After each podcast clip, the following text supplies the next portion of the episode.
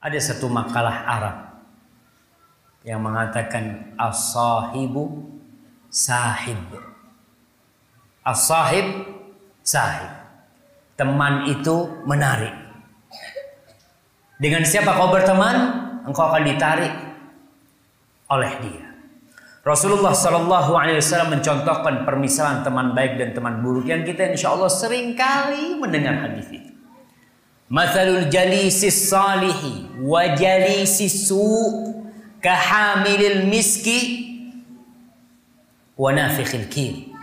Permisalan teman yang baik, teman duduk yang baik, sohib yang baik dan sohib yang buruk ini seperti kita berteman dengan penjual minyak wangi, hamil misk Mungkin dulu permisalan ini agak nggak agak sulit dibayangkan sama kita.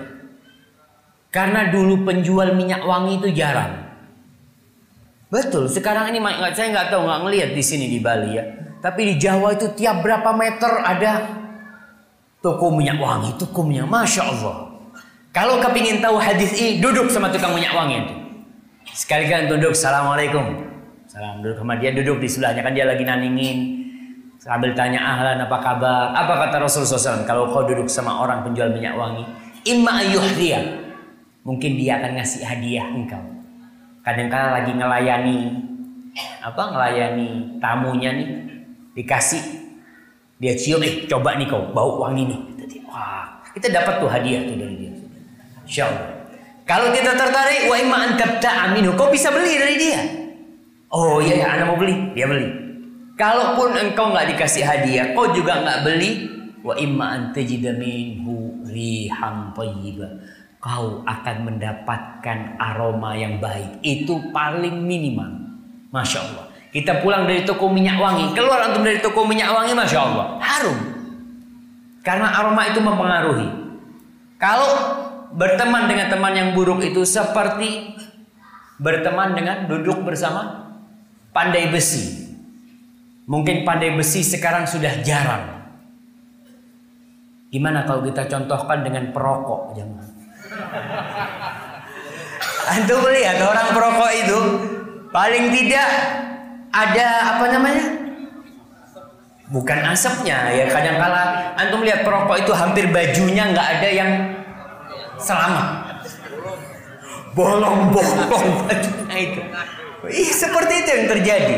Kalau tidak, paling enggak subhanallah ya. Kita akan mendapatkan bau aroma yang buruk seperti pandai besi. Rasul SAW mencontohkan dengan pandai besi. Orang lagi pandai besi dengan ditiup apinya ya.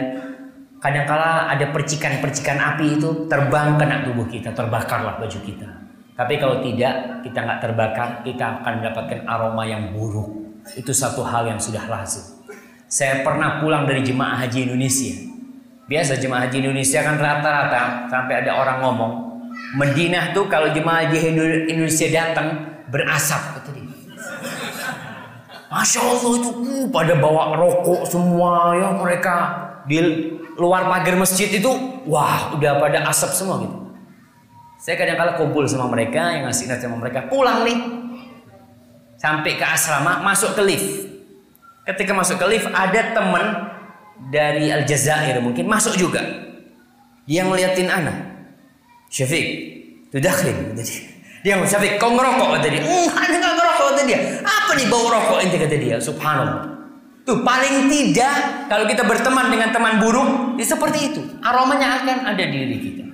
Maka dalam kehidupan ini, seperti daerah seperti ini, antum harus pandai-pandai mencari teman. Tidak semua orang bisa dijadikan teman. Rasulullah sallallahu alaihi wasallam mengatakan al-mar'u ala dini khalili falyanzur ahadukum man yukhalil orang itu tergantung agama teman baiknya teman akrabnya maka kalian lihat dengan siapa kalian berteman bahkan sebagian ulama mengatakan kalau kau ingin tahu fulan lihat dia suka berjalan dengan siapa jadi kalau kita mau menikahkan anak kita, putri kita, kita lihat Fulan ini duduknya sama siapa? Oh dia duduknya sama Fulan tukang minum. Padahal dia nggak minum. Tapi orang ngomong jangan dia duduknya sama tukang minum tuh. Udah kelihatan nggak bener. Maka hati-hati dalam kondisi seperti ini kita benar-benar harus mencari teman yang baik. Allah Subhanahu wa taala menceritakan bagaimana orang-orang kafir jahiliyah sebutin Uqbah ibn Abi Mu'ayyid yang dia itu pernah berteman dengan Rasul sallallahu alaihi wasallam. Tapi karena dia punya teman lain Umayyah bin Khalaf yang Umayyah mengatakan kalau kau mau tetap berteman sama aku kau jangan duduk sama Muhammad. Alaihi salatu wassalam. Maka akhirnya dia menyesal. Allah menceritakan penyesalan dia di surat Al-Furqan ayat 27 sampai 29 yauma ya wa yauma ya'addu zalimu ala yadayhi. Yaqulu ya laitani ittakhadtu ma'ar rasuli sabila يا ويلتى ليتني لم أتخذ فلانا خليلا لقد أضلني عن الذكر بعد إذ جاءني وكان الشيطان للإنسان خذولا معاشر المسلمين Allah menceritakan pada hari orang yang dolim itu menyesali. Dia menggigit tangan. Orang biasanya kalau dikatakan menyesal itu gigit jari. Tapi orang ini pada hari kiamat ulama menjelaskan dia menggigit tangannya, dimakan tuh tangan.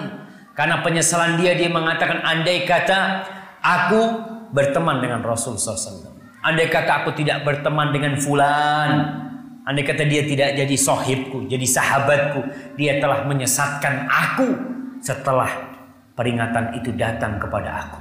Setan itu benar-benar ya melalaikan dan meninggalkan manusia ketika dia butuh. Para jamaah, kita nih setan ini terus menggoda kita. Setan yang dari bangsa jin ini terus godain kita. Kita jalan, kita ke mana, dia godain kita terus. Bagaimana kalau tambahan dapat sohib yang nggak benar?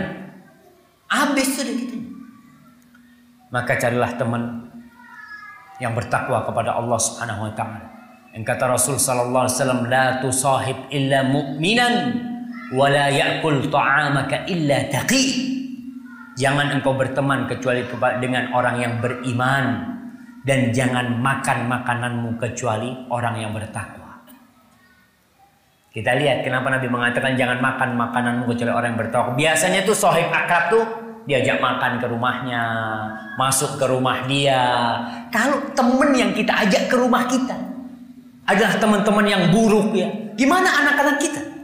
Oh bapak berteman dengan fulan ya, oh, ini orang nggak benar gitu ya. Anak kita akan terpengaruh dengan yang seperti itu. Maka wasiat ini perlu kita jalankan. Carilah teman-teman yang kelak akan mencari kita kalau kita tidak masuk surga dan dia masuk surga terlebih dahulu. Kata Allah Subhanahu wa taala, Al-akhillau yawma idzin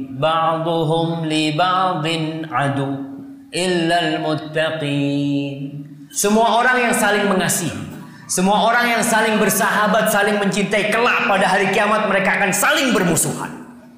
Bapak sama anaknya akan saling berlarian. Yafirul mar'u wa ummihi wa wa sahibatihi wa bani lari semuanya. Bahkan akan terjadi permusuhan yang dulu sohib nggak ada nggak kenal sama ente lagi. Akan saling mencela gara-gara engkau aku iki seperti ini. Subhanallah. Illal muttaqin. Kecuali orang-orang yang pertemanan dia, yang persahabatan dia dibangun di atas ketakwaan kepada Allah Subhanahu wa taala. Maka berusaha kita untuk membangun persahabatan kita dengan orang-orang yang baik ya. Yang kalau kita lalai dia mengingatkan kita. Teman yang baik itu bukan teman yang senantiasa ngasih kita makan ya, ngasih kita fulus enggak. Tapi teman baik kita adalah teman yang senantiasa mengingatkan kita dengan bagian kita di akhirat nanti. Kalau kita nggak ikut pengajian di telepon fulan, aku kok nggak ngelihat engkau di pengajian, ke mana kau? Di telepon, masya Allah. Ketika mulai sholat berjamaah, fulan kok aku mau kelihatan sama engkau. Diingatkan terus dengan fulan. Itu yang perlu kita cari dalam kehidupan ini.